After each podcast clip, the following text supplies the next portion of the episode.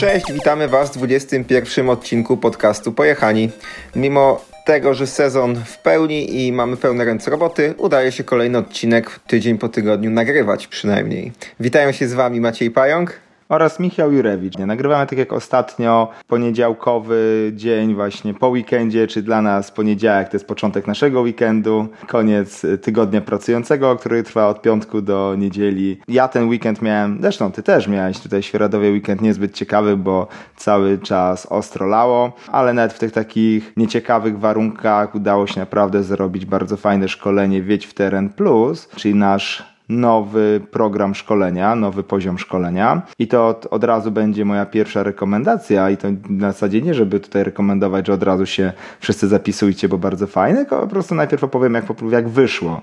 Co prawda nie był to taki modelowy przykład, bo z powodu pogody musieliśmy trochę od planów odejść, no ale w końcu się udało zorganizować właśnie pierwsze Wiedź w Teren Plus, czyli to jest nasz ten poziom pierwszy szkolenia, ale ten plus, czyli rozszerzony o trzeci dzień, czyli nie jak standardowo Wiedź w Teren dwudniowe, tylko Wiedź w Teren Plus jest trzydniowe. Zastanawialiśmy się, jak to tak naprawdę siądzie ten, ten, ten program, jak się, o co to rozszerzyć, jak to rozszerzyć. Też ze względu na warunki, jakie były w ten weekend, rozszerzyliśmy go bardzo mocno o zajęcia terenowe. Co to znaczy terenowe? To te po nieprzygotowanych oficjalnych trasach, czyli już po takich naturalnych ścieżkach z ściółką, korzeniami, kamieniami, a nie single trackami, bo single tracki były z powodu ciągłych deszczów bardzo mocno pod wodą, a te naturalne trasy tutaj u nas były cały czas bardzo dobre do, do jazdy i Moje takie pierwsze wrażenia właśnie po tym pierwszej edycji Wieć Teren Plus są takie, że ta trzydniowa formuła na tym poziomie też się bardzo dobrze sprawdza. Jest to zdecydowanie bardziej efektywne, lepsze szkolenie, jest więcej, więcej czasu, nawet jak jest właśnie jakaś pogoda nie najlepsza, to łatwiej jest tym programem zarządzać do jakiegoś okna pogodowego, coś przełożyć z jednego dnia na trzeci lub na drugi.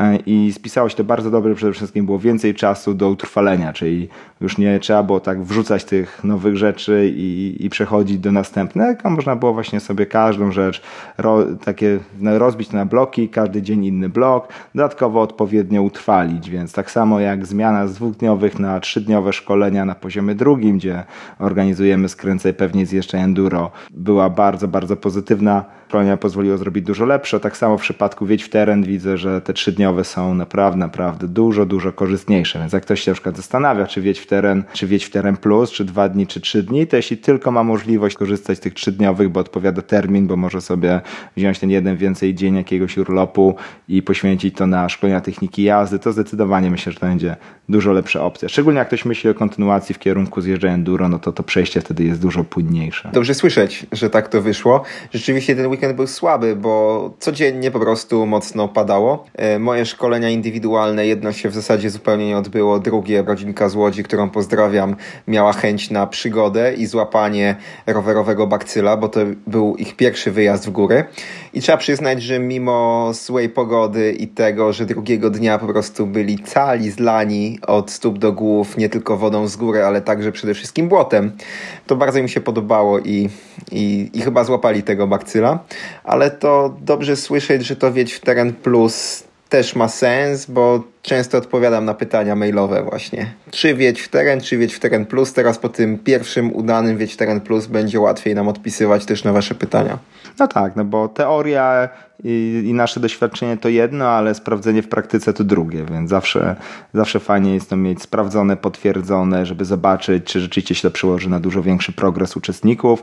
No i to było ewidentnie widać, więc zdecydowanie jestem fanem tego Wiedź w Teren Plus, czyli tych trzydniowych i podejrzewam, że w przyszłym sezonie będę bardzo mocno tutaj sugerował wycinanie tych dwudniowych na rzecz tych trzydniowych. Okej, okay, to to był pierwszy news, pierwsza rekomendacja twoja. Wiem, że masz przygotowaną jeszcze jedną. Ja w tym tygodniu się leniłem, weekend zacząłem bardzo leniwie, więc nie mam żadnej rekomendacji. Słucham drugiej. Okej, okay, druga to jest seria artykułów na bikemag.com Scorched Earth, y, która porusza temat zmian klimatycznych y, w kontekście mountainbikingu oraz wpływu mountainbikingu na środowisko. Ponieważ jest to z amerykańskiego Bike Magazine, oczywiście bardzo mocno tutaj nawiązuje to do sytuacji w Stanach Zjednoczonych, co nie zmienia faktu, że i tak jest to fajnie sobie przeczytać, nawet pewne rzeczy, jakby zarządzanie terenem takim ogólnodostępnym, e, jak te tereny leśne są właśnie zarządzane, organizowane, jak, jak ci zarządcy reagują na te zmiany klimatyczne, to też jest ciekawe sobie zobaczyć, jak to zupełnie inaczej wygląda niż na przykład no, no u nas. Więc jak najbardziej warto przeczytać, też trochę inna perspektywa się pokazuje, też jest na, bardzo mocno zakreślona właśnie ta zależność mountain bikingu od środowiska, tak, że te zmiany klimatyczne i degradacja pewnych ekosystemów a potem ich dużo bardziej wzmożona ochrona no może spowodować jakieś ograni dodatkowe ograniczenia, jeśli chodzi o korzystanie z nich do celów rekreacyjnych, jakim jest no, po prostu mountain biking, więc warto przeczytać. To jest pięć artykułów, średnio długich, e, każdy jest o trochę innej miejscowości, o trochę innym temacie. Warto poczytać, ciekawa, ciekawa lektura. Okej, okay, ale jest to bardziej w stronę właśnie, że mountain biking też może mieć negatywny wpływ, czy wręcz przeciwnie? Jedna seria trochę tak, ale nie jako sama jazda, tylko jako przemysł.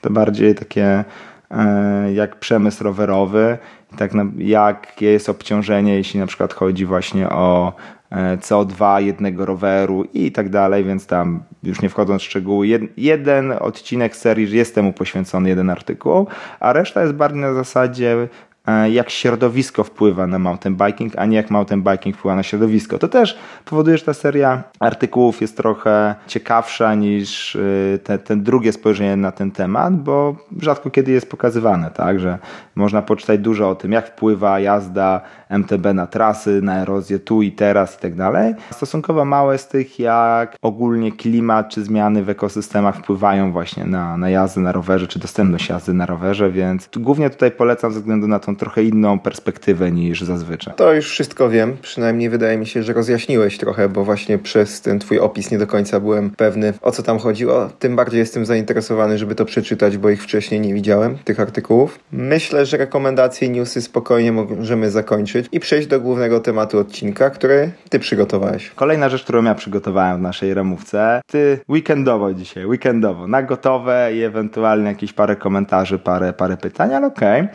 Jeśli chodzi o temat odcinka, to przygotowałem taki, który znaczy jest bardzo chwytliwy w różnych artykułach, filmikach, vlogach internetowych odnośnie protipów techniki jazdy, czyli jakichś magicznych zaklęć, które mają w przysłowiowe 3 minuty spowodować, że staniemy się dużo lepszymi rowerzystami górskimi. Tutaj jest tak, że powiem wprost, tak naprawdę nigdy nie wierzyłem w te, w te protipy, zawsze mi się wydawały one E, jak tam czytałem jakieś artykuły, oglądałem coś na YouTubie, rzadko, bo rzadko, ja czasami się zdarzam, zawsze mi się dawały strasznym uproszczeniem i tak naprawdę naginaniem rzeczywistości, albo czymś, nie wiem, wyrwanym z kontekstu, co tak naprawdę bez tego szerszego kontekstu bardziej mogło wprowadzić w jakieś no, jeżyny maliny niż, niż na jakąś prawidłową ścieżkę rozwoju. Zawsze byłem wrogiem protipów na rzecz raczej takiej żmudnej pracy nad poszczególnymi elementami i rozwijania tego w sposób bardziej taki rozłożony w czasie, usystematyzowany. Jednak ostatnio stwierdziłem, że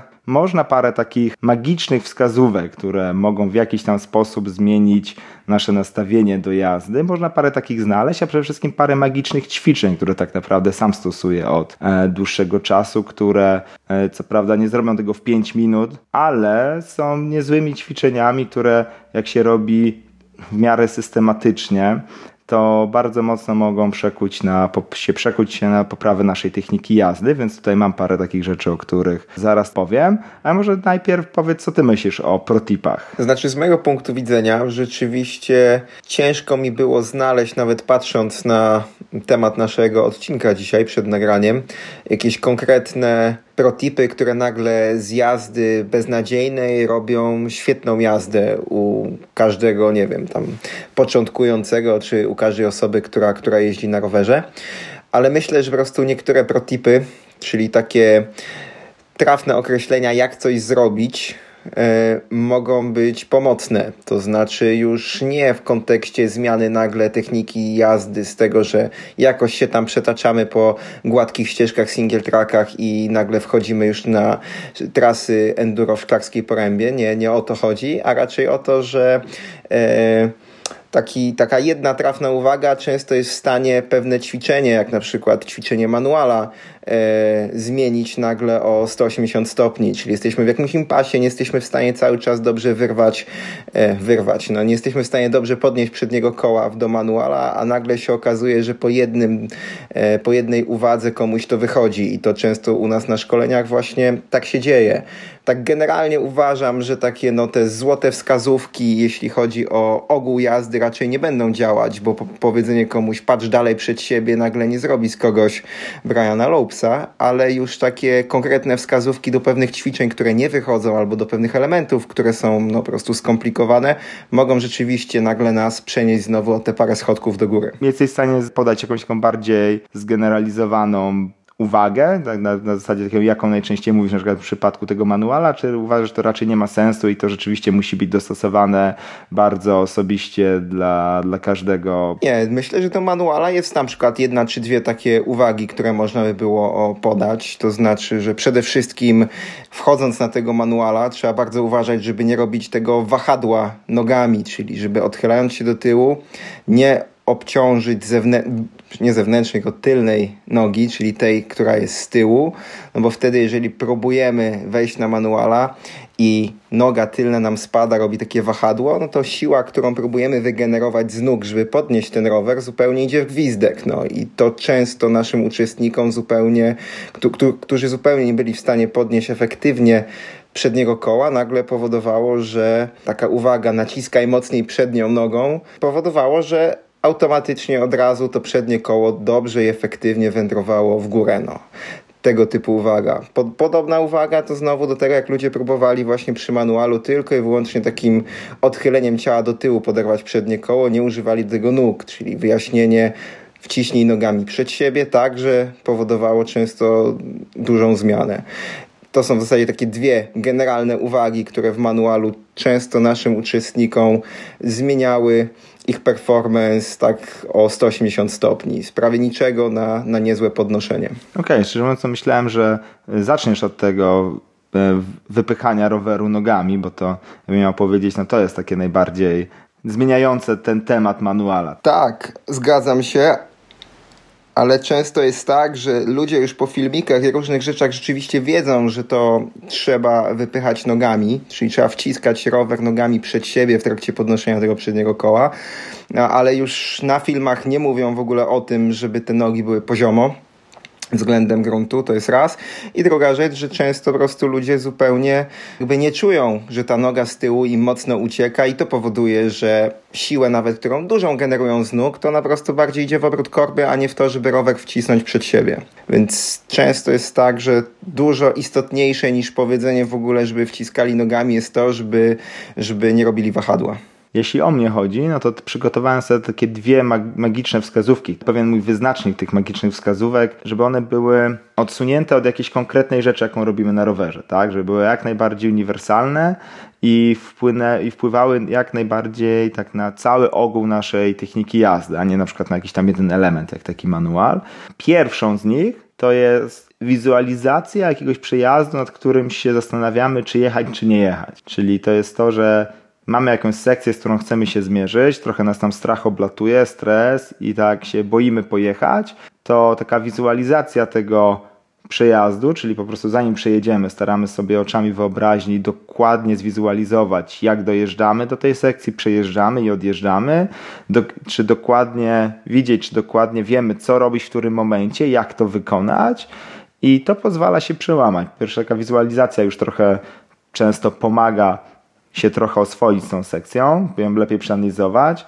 Po drugie, jak jesteśmy w stanie to zrobić, no to szansa, że to się uda przejechać czysto jest dużo większa. No, mogę powiedzieć, że jak nawet w drugą stronę, jeżeli się nie uda tego tak zwizualizować oczami wyobraźni i na przykład widzimy, że w ogóle nie wiemy, co zrobić w którymś momencie, liczymy, a się uda, no to to jest duża szansa, że jednak się nie uda, więc wtedy raczej sugerowałbym, że nie, lepiej to sobie odpuścić i poczekać na ten moment, kiedy będziemy rzeczywiście wiedzieć dokładnie, co robimy w danym, w danym momencie. Sam z tego korzystałem nieraz wiem, że, że pomagało czasami podjąć tą decyzję. Niektóre osoby mówiły, że też im to pomagało, chociaż to może być bardzo osobista sprawa. Pewnie jedni, jedni powiedzą, że jest to rzeczywiście super rzecz, a drudzy powiedzą, że to zupełnie bez, bezużyteczne, ale polecałbym zawsze spróbować, dużo czasu nie zajmuje. Nawet jak jest bezużyteczne, no to raczej nie pójdzie to na zmarnowanie. To znam tą zasadę, bo często ją w cudzysłowie wciskamy uczestnikom na szkoleniach, jak przed pierwszym, nie wiem, dropem czy technicznym elementem trzeba właśnie jakby oszacować. Oni sami muszą oszacować i zadecydować, czy coś przejadą. I to rzeczywiście się u niektórych sprawdza ale ja szczerze mówiąc osobiście w ogóle nie wiem o czym mówisz, tak? Jakbyś jakieś szamaństwa opowiadał. To znaczy wiem, że u niektórych to działa, ale sam zupełnie nie mogę sobie tego, tego przenieść na swoje ciało i na swoją sytuację, no bo pamiętam takie sytuacje, no nie wiem, najczęściej to przy jakichś pierwszych skokach, czy dropach, czy jakichś takich dużych elementach, no, które mnie stresowały, to zupełnie jakby nie to mi pomagało, a może to, tylko zupełnie inaczej nazwane, no. Na przykład najazd dwu, trzykrotny na pewną rzecz dużo bardziej mi pomaga po to, żeby oszacować prędkość dojazdową, czy coś jest do przejechania, czy nie, czy do przeskoczenia, niż jakaś taka wizualizacja, że tu będę robił to, tamto, a tu będę robił co innego, to w ogóle tego nie czuję.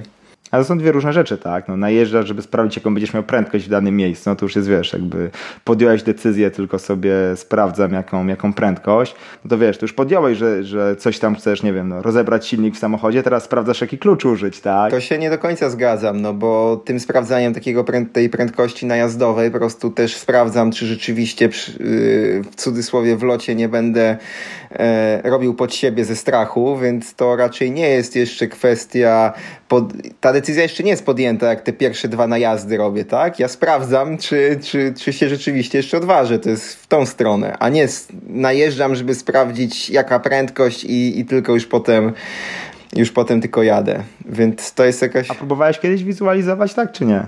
Tak, próbowałem oczywiście.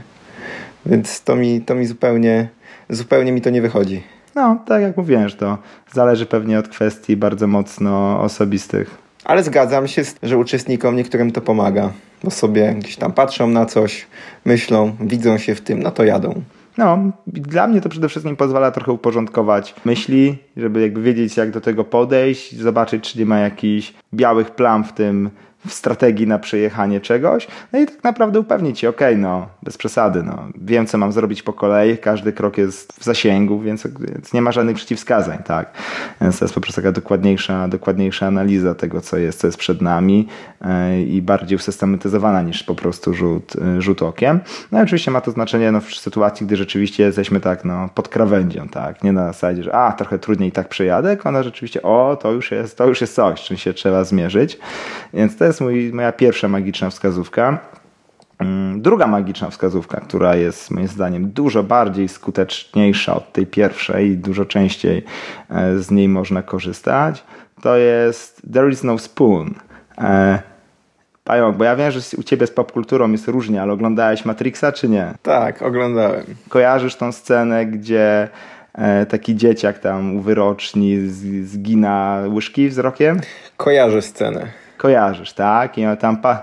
To z pierwszego Matrixa w takim razie musi być. Wydaje mi się, że to był w każdym razie drugi, ale mogę się, mogę się mylić, bo to rzeczywiście te wszystkie Matrixy już mi się w taką jedną serię zlewają, ale w każdym razie była ta scena, tak? Gdzie ten dzieciak wy... mówi Neo, w jaki sposób ma wygiąć tą łyżkę, tak? I że nie można sobie wyobrażać, czy chcieć po prostu tej łyżki wygiąć. Trzeba założyć, że tej łyżki nie ma, tak? Że ta łyżka nie jest prawdziwa, ta łyżka nie istnieje. To jest najlepsze podejście do mountain bikingu jako tako, kiedy jedziemy po naturalnych szlakach. Więc jeśli mamy jakieś sekcje techniczne, typu jakieś kamloty, dropy, cokolwiek takiego, gdzie po prostu jedziemy, no to po prostu trzeba założyć, że one nie istnieją, tak? Nie zastanawiać się, jak przez nie przejechać, jak je amortyzować, jak się rozluźnić, jaką, pozy jaką pozycję przyjąć na tym kamieniu, jaką na tamtym i tak dalej, tylko po prostu przyjąć pozycję do jazdy i nie ma nierówności. There is no spoon, tak? I po prostu asfalt, gładki asfalt i jedziesz. To naprawdę mi często bardzo mocno pomaga tak naprawdę zmienić ten mój mindset do jazdy i w dużym skrócie przestać się przejmować jakimiś duperelami na trasie, bo to jest największa pułapka, jak jedziemy na rowerze w terenie, że zaczynamy za bardzo analizować i za bardzo się przejmować tak naprawdę rzeczami, które są zupełnie nieistotne. No i tutaj na bazie też szkoleń wiem, że dla wielu osób to potrafi zupełnie zmienić e, słabą kanciatą jazdę w bardzo płynną i swobodną, więc kamienie nie istnieją, nierówności nie istnieją. To, to, rozumiem, że te dwie wskazówki, które, które teraz podałeś, to w zasadzie nie są takimi typowymi how to bunny hop albo trzy najlepsze wskazówki, jak być pro-riderem, tylko bardziej są takie mentalne, co w głowie sobie odblokować, żeby jeździć lepiej. A masz jakiekolwiek wskazówki już do, nie wiem, do w ogóle po prostu do jazdy, ale właśnie do konkretnych elementów? Czy tak jak powiedziałeś na początku, zupełnie się tym nie zajmowałeś i uważasz, że one w dalszym ciągu nie istnieją? Zajmowałem się tym, ale uważam, że one nie istnieją, tak? I wymag... można statystycznie powiedzieć, że bardzo dużo osób, na przykład jak przy tym manualu, co, co, co powiedziałeś, że bardzo dużo osób e, ma problem z tym lub z tym, czyli na przykład nie wypycha roweru do przodu nogami, albo jak wypycha, to nie robią stabilnego podparcia nogami. A to jest statystyka, tak? To jednemu to może rzeczywiście być to, a u innego co innego. Więc tutaj bardzo łatwo pójść po prostu w ślepy zaułek, że to akurat nie jest to, czego ktoś potrzebuje. I tutaj powiedziałeś, że to nie są magiczne, że to nie są wskazówki, które zrobią ProRidera. Właśnie uważam, że to są wskazówki, które są w stanie zrobić ProRidera dużo bardziej niż How to Manual in 3 Minutes. Tutaj ten mindset są właśnie dużo ważniejsze, dlatego je nazwałem magicznymi wskazówkami, dlatego chciałem się tu z nimi dzisiaj, dzisiaj podzielić i uważam, że ile ta wizualizacja trudnego przejazdu, to taka skuteczność może być 50-50, dużo zależy tak naprawdę tutaj od osoby, o tyle ta there is no spoon, czyli po prostu nierówności nie istnieją, jedziemy, wszystko jest, wszystko jest gładkim asfaltem, to to naprawdę dla dużej ilości osób jest w stanie, w stanie pomóc. Ta zmiana w głowie tego przełącznika, czym się przejmować, czym nie. Zgodzę się, ale pod pewnymi warunkami tutaj z tym. Pod warunkiem takim, że mamy jakiekolwiek podstawy opanowane, bo w sytuacji, kiedy będziemy zupełnie nie w pozycji, nie w równowadze, to brak łyżki nie jest w stanie nam w niczym pomóc, żebyśmy za chwilę nie skończyli na plecach albo na twarzy, no i tyle, więc pod warunkiem, że mamy jakiekolwiek podstawy, poprawne podstawy techniki jazdy, rzeczywiście to może sporo zmienić, ale w sytuacji, kiedy nie mamy tych podstaw opanowanych, zupełnie nie wiemy za co się zabrać, jak to przejechać, to nie sądzę, żeby to cokolwiek zmieniło. Takie jest moje zdanie. No, też tak myślę, bo to raczej jest kwestia chociaż no ciekawe, takiego eksperymentu, takiego eksperymentu jeszcze na nikim nie robiłem na żadnych, na żadnych szkoleniach, żeby to komuś wrzucić tak na, na sam start. Ostatnio na tym WWT Plus bardzo wcześnie to, bo to raczej używam na, na dalszych szkoleniach od poziomu drugiego i dalej. Ostatnio na tym WWT Plus wrzuciłem to już pierwszego dnia i dało to bardzo, bardzo, bardzo dużą zmianę w jeździe całej grupy, że im to bardzo pomogło i to było tak naprawdę bardzo wcześnie, no, tuż po, tak naprawdę jeszcze w trakcie wprowadzania pozycji, ale na którymś tam tych ćwiczeń z pozycji gotowości. Więc rzeczywiście myślę, że jakaś tam pewne podstawy, wyczucia roweru, żeby w ogóle wiedzieć, gdzie siedzieć i siedzieć w dobrą stronę na tym rowerze może się przydać, żeby nie siedzieć tyłem. A może nie siedzieć. Dokładnie, więc ale myślę, że dość wcześnie można z tego korzystać. Tak, zgadzam się, ale to w dalszym ciągu było po tym, jak już wszystkie elementy, e, te bazowe pozycji gotowości były wspomniane, były tam kilkanaście razy przejechane nawet na płaskim placu i tak dalej i nie było to nagle wzięcie ludzi na największy hardcore, jaki jest w Świeradowie, prawda? Tylko raczej cały czas na czymś gładkim, co było po prostu kolejnym elementem i to ułatwiło ten kolejny element i dało świetne rezultaty. Mhm. No tak, bo to oczywiście nie, to nie spowoduje, że nagle przejdziemy przez coś, do czego do tej pory nie przyjeżdżaliśmy. To, to raczej spowoduje dużą, dużą e, poprawę jakości kontroli tuż przed tą granicą naszych możliwości. Tam daje to tak naprawdę największą, największą korzyść, ta zmiana tego mindsetu. Czyli w momencie, kiedy już jedziemy w tym swoim takim nazwijmy to flow, gdzie już rzeczywiście jest wyzwanie, ale jeszcze nie jest to ten, ten moment, kiedy jest to dla nas walka o przetrwanie, no to wtedy to, to, to działa, tak. I to są moje dwie magiczne wskazówki, ale oprócz tego mam jeszcze magiczne ćwiczenia, czyli takie ćwiczenia, które powodują, że można bardzo mocno poprawić swoją jazdę na rowerze górskim tak ogólnie, bo to znowu nie jest nie poprawić manuala, nie, nie poprawić dropy czy cokolwiek, tylko tak ogólnie poprawić jazdę naszą na, na rowerze górskim. Wszystkie mogą być dość zaawansowane, szczerze mówiąc, poza ostatnią, jaką, jaką powiem. Więc rzeczywiście nie są raczej dla początkujących, tylko dla średnio zaawansowanych i zaawansowanych riderów, które, którzy mają już dość spore wyczucie do, so, i solidne podstawy techniki jazdy. I pierwszą będzie przyjeżdżanie z sekcji z zamkniętymi oczami. To jest trochę powiązane z There is no spoon. To jest coś, co się bawiłem mm, już od jakiegoś czasu, już kilka lat. Na początku na trasach takich budowanych, właśnie jak single tracki w Świeradowie, a potem coraz bardziej w teren albo na trochę dłuższych sekcjach. Czyli no skoro te nierówności nie istnieją, te sekcje techniczne nie istnieją, no to po co na nie w ogóle patrzeć, tak? Czyli na przykład spróbować sobie na jakiejś prostej z dwoma rollerami pompować z zamkniętymi oczami, tak? I próbować to trafić, nie wypaść z trasy, a potem jeszcze pompować. Dojeżdżamy do jakiejś 180, na przykład taki zakręt zwany 180 przy piwowarze w Świeradowie, gdzie był jedną z właśnie z takich sekcji, z którymi w ten sposób się bawiłem, no to właśnie okej, okay, no. Dojeżdżam do zakrętu, zamykam oczy i próbuję zakręt zrobić na czucie i otworzyć dopiero oczy po zakręcie. Początki były dość kanciate oczywiście, ale potem ok, bez najmniejszego problemu, tak? Potem trochę dłuższy dojazd, trochę dłuższy odjazd. I już tam na koniec, po takim systematycznym próbowaniu przez jakiś tam dłuższy czas, na każdym tam przejeździe, już się okazało, że naprawdę całkiem solidne przyjazdy można zrobić z zamkniętymi oczami. To bardzo mi pozwoliło bardziej czuć trasę, nie być tak przyzwyczajonym do tego, że muszę wszystko widzieć i wszystko mieć pod kontrolą, czyli trochę tak bardziej czuć, czuć rower i czuć jazdę, a nie starać się wszystko właśnie analizować kamyczek po, e, po kamyczku, więc to jest moje pierwsze magiczne ćwiczenie. Co ty na to? Próbowałeś czegoś takiego?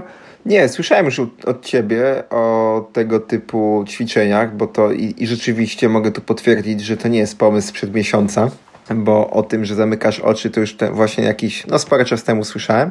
E, słyszałem, nigdy jakoś sam w zasadzie nie próbowałem, to znaczy za mało jeżdżę chyba po tych samych trasach codziennie, żeby albo, albo no, na tyle często, żeby, żeby sobie to gdzieś ćwiczyć i mieć jakieś takie miejsca, ale z drugiej strony w sumie powtarzam sporo różnych odcinków co jakiś czas, więc pewnie dałoby się to zrobić, więc to raczej z takiego czy to lenistwa, czy po prostu braku pomysłu i zapamiętania tego pomysłu, że można by coś takiego spróbować. Ale myślę, że sobie nawet jutro to spróbuję i dam znać za tydzień, jak to wyszło i jak bardzo jest hardkorowo. E, myślę, że to może się wiązać ze sporym dyskomfortem na samym początku.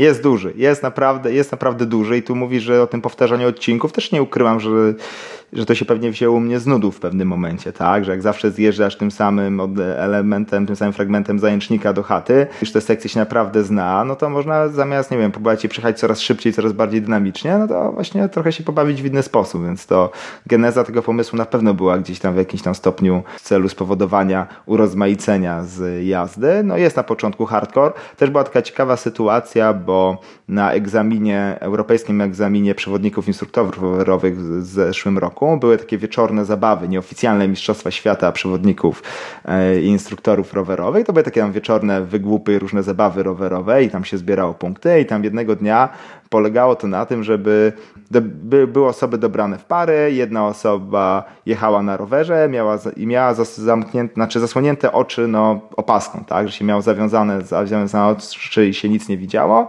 Druga osoba z teamu no, była bez roweru pieszo i miała nawigować tą osobę, mówić lewo, prawo, prosto do tyłu, hamuj, po tym jakimś tam wyjeżdżonym placu, takim ringu, po którym wszyscy jeździli, no i celem było zbierać z ziemi bez podpórki, czyli tam na ziemi leżały jakieś takie tacki, piłki, gumowe kurczaki i tak dalej i trzeba było to zebrać i tam wrzucić do, do pudełka te osoby na rowerze z zawiązanymi oczami i wszyscy, jak to z zawiązanymi oczami, a ja tak, całe życie na to trenowałem. I, I, no, i wynik był taki, że bez najmniejszego problemu i co ciekawe było to, ja nie potrafię tego, co ty potrafisz, czyli takiej zwykłej tacki kolorowej podnieść ziemi z jazdy, bez zatrzymania, bez, bez podpórki, tak? No nie, nie jestem, tam brakuje mi zawsze paru centymetrów. A wtedy to trzy takie podniosłem od strzała po prostu z zamkniętymi oczami, w ogóle się nie zastanawiając. Więc to było też ciekawe, że... Tu nie widziałeś i się nie bałeś. Dokładnie nie widziałem, nie bałem się. Ten gość, którym byłem w teamie mówił, że teraz prosto przed tobą, po lewej stronie, no to ciach, lewa ręka w dół i o kurczę, złapałem, tak, i, i do kosza. Więc y, okazuje się, że pewne rzeczy było nawet zrobić dużo łatwiej niż, niż normalnie. No to ja to ćwiczenie, o którym ty opowiadasz, przeszczepiłem na jedną ze szkółek e, rowerowych MTB, tutaj tych wrocławskich, na zajęcia na hali, no bo trzeba je urozmaicać jakoś, nie mamy tam rollerów, skoczni, innych rzeczy, trzeba sobie inaczej radzić. I jak miałem takie jedne zajęcia, że z rodzicami, sporo rodziców wzięło też udział na rowerach, no bo mamy tych rodziców jeżdżących. dość sporo, no to właśnie w teamach ze swoimi dzieciakami to robili i było to całkiem fajnie. No, mieli, mieli dosyć fajne, fajne wrażenia z tego. To znaczy, przede wszystkim e, rodzice byli mniej chętni niż dzieciaki do zawiązywania oczu i dużo lepiej szło wszystkim, jeżeli to rodzic był nawigatorem, a dziecko było tym ślepym rycerzem na, na, na koniu. Ale wychodziło to całkiem nieźle i wrażenia pozostawiło całkiem dobre, więc na pewno to będziemy powtarzać. Okej, okay, to przejdę teraz do mojego drugiego magicznego. A nie, coś chcesz dodać? Masz tak, tak, jeszcze, jeszcze jedna rzecz, że to znaczy nie ćwiczenie, ale u nas to jeszcze czasem takie, taka jazda na oślep, przy, na, nawet na tam niedługo, na ułamki sekund, ale jednak zdarza się jak jeździmy i mamy tam na drugim, już teraz coraz wcześniej na poziomie szkoleń, jazdę przed uczestnikami. No i trzeba kontrolować czasem, czy ci uczestnicy jadący za nami, którzy mają nas obserwować, czy to w kontekście powtarzania naszych ruchów, czy to w kontekście trzymania wzroku na odpowiedniej odległości, e, no trzeba kontrolować, czy są na dobrej odległości. Nie zawsze są na tyle głośni ci uczestnicy, że da się ich usłyszeć tylko. No i jeżdżąc po singlach z uczestnikami często obracam głowę i jednak trzeba tam chwilę tą głowę podtrzymać, a nie wpaść w drzewo, więc takie sekundówki na zasadzie obrócenie głowy, zobaczenie, ocena jak daleko ktoś jest i czy ktoś nie został, to takie rzeczy mi się zdarzają i rzeczywiście na początku było tak, że czasem się orientowałem, o kurczę, już jestem poza trasą, a z biegiem czasu i ilości takich e, ćwiczeń coraz częściej w ogóle po prostu nie wyjeżdżałem z toru jazdy. No. Mogłem to nawet robić na zakrętach jakiś, no ale to są bardzo krótkie odcinki, jak się oglądałem za siebie.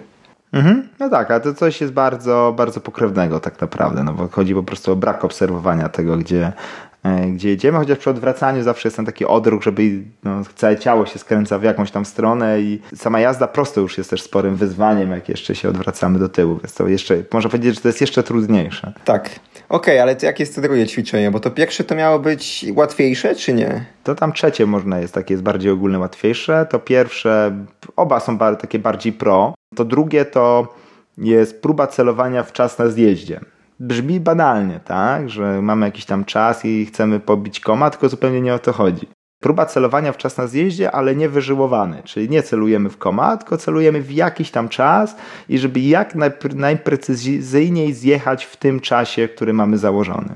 Czyli na przykład jak mamy jakiś tam zjazd, który, nie wiem, najlepszy nasz y, zjazd to 4 minuty, to sobie założyć 5 minut, tak na, na spokojnie, może, może najpierw 5,5 i starać się tak próbować trafić, żeby zajęło to dokładnie tyle, ile ma zająć. Czyli takie wyczucie, po, po pierwsze zmusza do trochę wolniejszej jazdy niż, niż zazwyczaj, Poza tym też wyczucie tego timingu, tego, tego czasu i to potrafi bardzo mocno upłynnić naszą, naszą jazdę. No, to jest tam jedno ćwiczenie, które gdzieś kiedyś tam sobie z dość ciekawego źródła wynalazłem. Jak ktoś będzie wiedział z jakiego, to, to gratulacje, to, to, to propsy wdrożyłem na swoim przykładzie i mogę powiedzieć, że rzeczywiście, no, rzeczywiście jest dość ciekawe, daje, daje zalety jest, i jest jak najbardziej ok.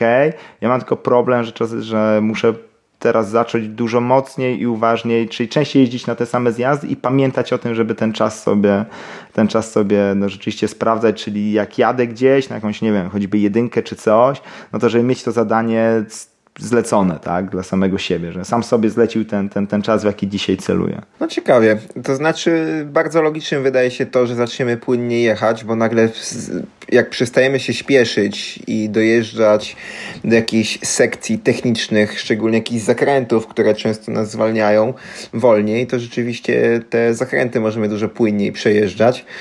Nie próbowałem tego nigdy robić, próbowałem zupełnie w inną stronę, ale to, to, to ćwiczenia na przyspieszanie i jak jest, gdzie najwięcej jesteśmy w stanie zyskać. No więc to, to przy okazji jakichś przygotowań do szkoleń w Elstrze w zeszłym roku robiłem, ale to zupełnie odwrotne ćwiczenia i odwrotne próby właśnie ze stoperem w ręce.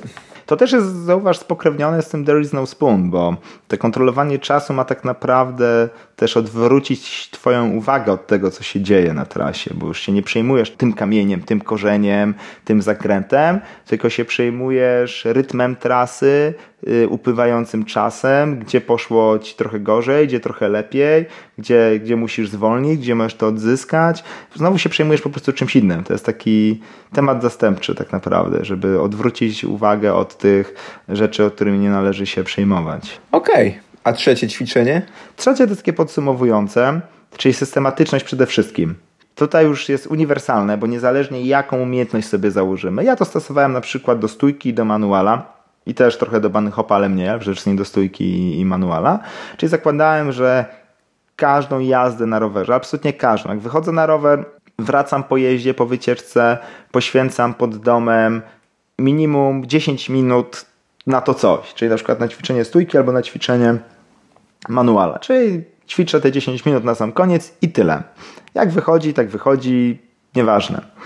Mm, przede wszystkim powoduje to narzucenie systematyczności, a to od razu daje efekty. Prosta, prosta sprawa. Czy po prostu nie zapominamy ćwiczyć, żeby coś wychodziło, trzeba to ćwiczyć, więc jeśli poświęcimy te 10 minut, tylko 10, może 15 minut po każdej jeździe, ale będziemy to robić przez rok, no to po tym roku naprawdę da to solidne efekty. Jedna rzecz mi się teraz przypomniała i o której wcześniej nie pamiętałem, ale wyszła z naszej tej rozmowy.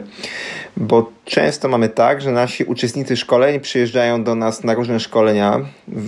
W jeden sezon są w stanie zrobić dwa, trzy szkolenia nawet.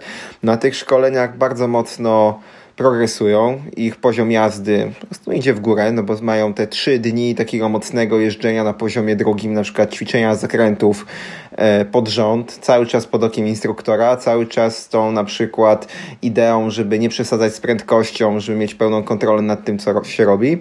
Przyjeżdżają za rok my jako instruktorzy widzimy, że w zasadzie już nie ma żadnego progresu. Tutaj znowu kłania się jedna podstawowa rzecz, no, żeby dobrze jeździć, trzeba jeździć, więc samo szkolenie trzy dni, nawet jak nas dobrze wytrenuje w jakiejś umiejętności, to żeby ją utrzymać, tą umiejętność i rozwijać, to trzeba po prostu jeździć systematycznie na rowerze i trzeba na to znaleźć czas. Nie da się dobrze jeździć bez po prostu jeżdżenia. I to jest jeszcze taki, to może być jedna jeszcze magiczna wskazówka do bycia coraz lepszym rowerzystą. Po prostu trzeba jeździć. My sami nawet po sobie wiemy, że jak się dwa miesiące gdzieś tam przekisimy w domu, szczególnie mieliśmy ten przykład, jak jeszcze parę lat temu robiliśmy projekty i w sezonie jesienno-zimowym mieliśmy 2-3 miesiące na przykład zupełnie wyjęty z jazdy, no to nie było tak, że my na początku sezonu wracaliśmy do jakiejś tam naszej formy sprzed tej przerwy. My musieliśmy po prostu odbudować ogromną ilością kilometrów tą formę sprzed tego sezonu jesienno-zimowego, żeby dopiero znowu móc coś nowego budować. No tak, systematyczność przede wszystkim. No tak. Tyle z mojej strony. To były moje magiczne wskazówki i magiczne ćwiczenia, że takie moje podejście do, do, proty, do protipów, które tak jak wcześniej wspominałem, chciałem, żeby były jak najbardziej uniwersalne, gdzie oddziaływujące na całokształt naszej jazdy na rowerze górskim, a nie, tylko na jakąś technikę. Ale rzeczywiście, nawet jak wcześniej tego aż tak nie widziałem, jak teraz powiedziałeś, że no są, dość, są dość zaawansowane, tak? Czyli te te, te wszystkie moje magiczne wskazówki, magiczne ćwiczenia wymagają już solidnych podstaw e, jazdy na rowerze górskim, więc raczej dla osób średnio zaawansowanych i zaawansowanych. Okej, okay, ale wydaje mi się, że ten wniosek, który ja przed chwilą jeszcze przytoczyłem, że ta systematyczność jazdy, który był no, gdzieś tam podyktowany twoją trzecią, e, twoim trzecim takim no, ćwiczeniem i bardziej w kontekście już konkretnych elementów, bo mówisz o stójce, o manualu, czyli o takich bardzo trudnych rzeczach, które zupełnie regresują, jak się ich nie robi, czyli jak manuala nie będziemy przez miesiąc robić, to znowu się obudzimy po prostu niemalże nie umiejąc e, e utrzymać tego roweru w pionie na danej wysokości i tak dalej i ileś długości rowerów zrobić na tym manualu, no to systematyczność po prostu jazdy powoduje, że naprawdę mocno e, idziemy do przodu. To też widać po osobach, które mm, zaczynają jeździć i po prostu się bardzo mocno wkręcają, mają na przykład styl życia i pracy taki, gdzie mogą bardzo dużo czasu poświęcić na swoją pasję i naprawdę w rok można zrobić niesamowite postępy zaczynają od zera i po roku już jeżdżą po bardzo trudnych trasach, idziemy naprawdę świetnie. Mm, tak, zupełnie trochę zmieniając temat, a ponieważ tu dużo y, powiedzieliśmy o manualu i zgodnie z zasadą internetu, że trzeba zawsze zawczasu kontrować jakieś możliwe komentarze, więc od razu wypadałoby skontrować komentarz odnośnie maszyny do manuala, czyli tych wszystkich takich stojaków na, na rowery, mm, które mają trzymać rower za tylne koło i wtedy możemy sobie w sposób bezpieczny ćwiczyć wyciąganie, podnoszenie tego przedniego koła w sposób manualowy. Próbowałem tego, na sobie. Bardzo fajne ćwiczenie, żeby zimą się zmęczyć, poćwiczyć tutaj mięśnie grzbietu i tak dalej. Na moim przykładzie i na przykładzie Agnieszki nijak się to nie przełożyło na jakikolwiek performance robienia manualu na, na rowerze. Po prostu no nijak w ogóle. Jeśli ktoś próbował i komuś pomogło, to super, to chętnie chętnie tak naprawdę to, to usłyszę, więc jeśli komuś pomogło, to napiszcie w komentarzach, czy w jakiejś wiadomości na, na Twitterze, czy na, na Facebooku, czy gdziekolwiek. E, no ale moje doświadczenia są takie, że coś sprzedawane jako super, hiper, świetne, magiczne ćwiczenie i protip, ok, jest fajnym ćwiczeniem, ale się nie przekłada na, na potem już na jazdę na rowerze. Ja od naszych klientów parę razy słyszałem, że próbowali to robić, ale zawsze kończyło się to dokładnie tym samym zdaniem. No w sumie na tej maszynie to mi już wychodzi i się utrzymuje, ale potem jak jedę na rowerze, to zupełnie nie jestem w stanie tego powtórzyć. No. Więc jak pytają nas też, czy to przy okazji szkółki, czy, czy przy okazji właśnie jakichś innych sytuacji, raczej też nigdy nie polecam tej maszyny do manuala. Próbowałem ją e, nawet nasz znajomy Łukasz z Zielonej Góry, którego pozdrawiamy, kupił sobie taką maszynę no, dedykowaną. Są takie? No tak, nie, że zrobił sobie, przybił tam deski do, do ziemi, czy zrobił jakiś stelaż, tylko kupił taką, wiesz, ze sklejki wyprofilowaną, odpowiednią, z pasem tam z przodu, żeby koło złapać, tak, żeby nie polecieć na, na plecy, są takie. Mm, tego samego producenta, który robi takie, wiesz, e, przenośne skocznie, jakieś rampy, jakieś, jakieś takie boksy, to się, jak, jak to się ze skateparków nazywa? Fanboxy? Jak no, fanboxy i tak dalej, no więc, więc jest taka firma gdzieś chyba brytyjska, która to robi. I sobie kupił i mówił, że ćwiczył, ale rzeczywiście on to dużo ćwiczył w lockdownie i nie widziałem go jeszcze po tym lockdownie, czy mu to coś pomogło, bo on mógłby być dobrym naszym przykładem. Czy to mu rzeczywiście coś pomogło, do, jeśli chodzi o dobre performance manuala potem w trakcie jazdy. Ciekawe jest na tej wersji z tą taśmą, bo to bardzo często występuje gdzieś ta wersja z taśmą na, na przednie koło, żeby nie przylecieć do tyłu. A to chyba wszystkie tak naprawdę występują z czymś takim. Jak to widziałem w internecie, to zawsze te taśmy były, żeby się nie nakryć. A jak miałbym powiedzieć, to tak naprawdę jedyne cokolwiek może pomóc ta maszyna, to dobrze przećwiczyć odruch zeskakiwania do tyłu w sytuacji awaryjnej że właśnie ten brak taśm i druga rzecz to dobre wyczucie punktu równowagi, w którym momencie lecimy do tyłu. Więc szczerze mówiąc, taka taśma, nie, nie próbowałem z taśmą. Ja miałem samoróbę bez taśmy i trzymam ta taśma to by zabiła dwa jakiekolwiek sensowne elementy tego, tego ćwiczenia. Czyli to, że można sobie ćwiczyć zeskakiwanie po prostu do tyłu bardzo płynne, mm, a potem wyciągnięcie tego roweru w taki sposób, że nie musieć zeskakiwać. Bo to jest tak, że przez pierwsze przy, przy trzy próby nie potrafimy wyciągnąć tego koła, a potem jest problem, że od razu lecimy do tyłu i zeskakujemy do tyłu i zeskakujemy do tyłu, więc się potem poświęcało dużo więcej czasu, żeby złapać ten balans. Nie dlatego, że się koło nie podnosi, tylko dlatego, że się te koło podnosi za bardzo.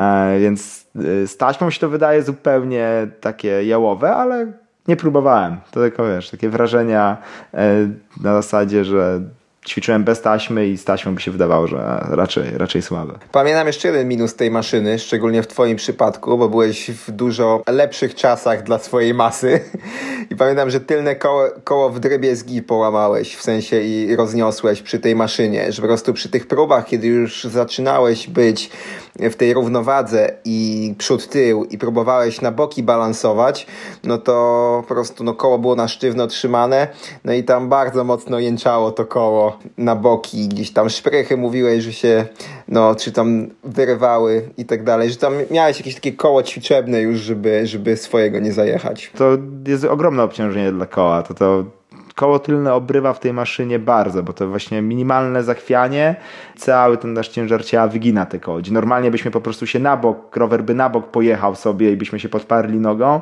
no to na tej maszynie no cały czas walczymy, tak? I cały czas wyginamy koło, więc e, zdecydowanie tylne koła, jakieś, jakieś takie paździury po prostu zapasowe i tyle. Czyli trochę z protipów przyszliśmy do tego, do bardziej mentalnych uwag, do bardziej mentalnych wskazówek i do tego, co zrobić, żeby nie regresować, żeby nam ta performance nie spadał. Masz coś jeszcze do dodania? Nie, no to ja ze swojej strony wyczerpałem temat. Jeśli nie masz nic więcej, to możemy tak naprawdę kończyć. Okej, okay, to myślę, że ciut krótszy odcinek, nie, nie cała godzina będzie idealny. Dziękujemy w takim razie za wysłanie 21 odcinka podcastu Pojechani. Oczywiście przypominam, że możecie nas znaleźć na Twitterze Pojechani, na Facebooku podcast Pojechani, mnie na Facebooku jako Maciej Pająk i na Twitterze jako Pająk EMTB, Michała jedynie na Twitterze jako michal.jurewicz bez polskich znaków. Tyle z naszej strony. Do zobaczenia i do usłyszenia. A ja pędzę oglądać Dabdaba, a jutro o świcie na 6 razy wysoki grzbiet, więc można powiedzieć, że gwiazdka w czerwcu. To jest ten moment roku, na który czekam zawsze. Dab dab, a potem 6 razy wysoki grzbiet. Coroczna tradycja. Jak nie jesteście jeszcze na rowerze, bierzcie rower, idźcie pojeździć. Do zobaczenia, cześć. Do zobaczenia.